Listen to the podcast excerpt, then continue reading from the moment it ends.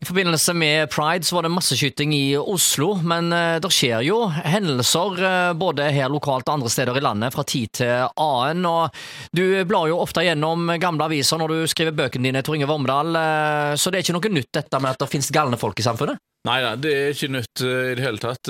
Og alt fra terror til galne handlinger, drap i affekt osv. har vi hatt da òg i vår by. Så, og dette med å ta vare på sinnssyke Hvis du går tilbake faktisk 100 år, tilbake, 100 år tilbake i tid, så de som ble galne, de ble jo da satt i fengsel. Så, og det var jo du en, uver, ja, det var en uverdig måte å behandle dem på, og ble satt uh, i uh, fengsel, hvor, uh, hvor fengselsbetjeningen måtte da behandle folk med store psykiske eh, plager.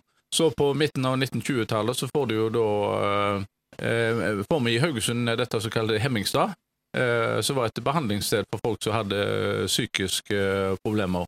Før der igjen så ble det jo sendt på arbeidsgården eh, på eh, Rossabø.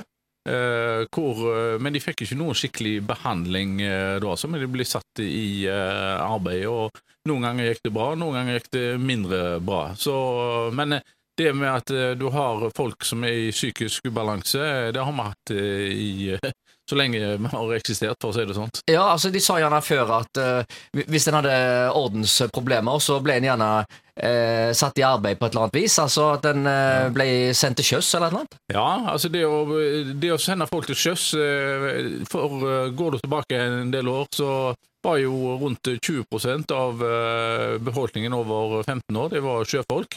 Og eh, alle hadde ikke hatt en like god oppdragelse, det, men det å bli sendt eh, på en båt med 30-40 mann, hvor du da eh, fikk noen som kunne stramme deg opp hvis du ikke gjorde jobben din eller ikke oppførte deg fint. Så det å bli sendt til sjøs, det kunne fungere for de som ikke hadde hatt kanskje foreldre som hadde greid å holde deg godt nok i ørene og sånt. Så det at vi hadde Så skipsrederne de hadde en eh, rolle, sånn Ja, samfunnsrolle på et rederne- eh, Om ikke rederne hadde en rolle, så hadde iallfall en eh, myndig kaptein eh, da, og offiserer eh, Ja. hadde en oppdrag, en rolle. Så jeg, i forbindelse med bøkene mine da, så har jeg snakket med mange av disse kapteinene som fortalte at de tok imot eh, gutter som hadde da atferdsproblemer, og de ble satt i hardt arbeid og ble kommandert og ble gode eh, folk ut av de da, fordi de ble satt på den rette kursen da. Så det å bli sendt til sjøs, det var en god medisin eh, for mange. Ja, altså Jeg vet ikke om vi skal tørre å våge å eh, anbefale det i, i, i dag, men eh, Nei, det, er ikke, det er ikke nok arbeidsplasser eh, da, eller det er ikke den altså, du kunne ikke, du, I dag kan du ikke reise ut som en eh, 15-16-åring. Men altså tvangsarbeid på et vis? Altså Som, som medisin for psykiske problemer? Nei, nei, det kan du selvsagt ikke i dag. Et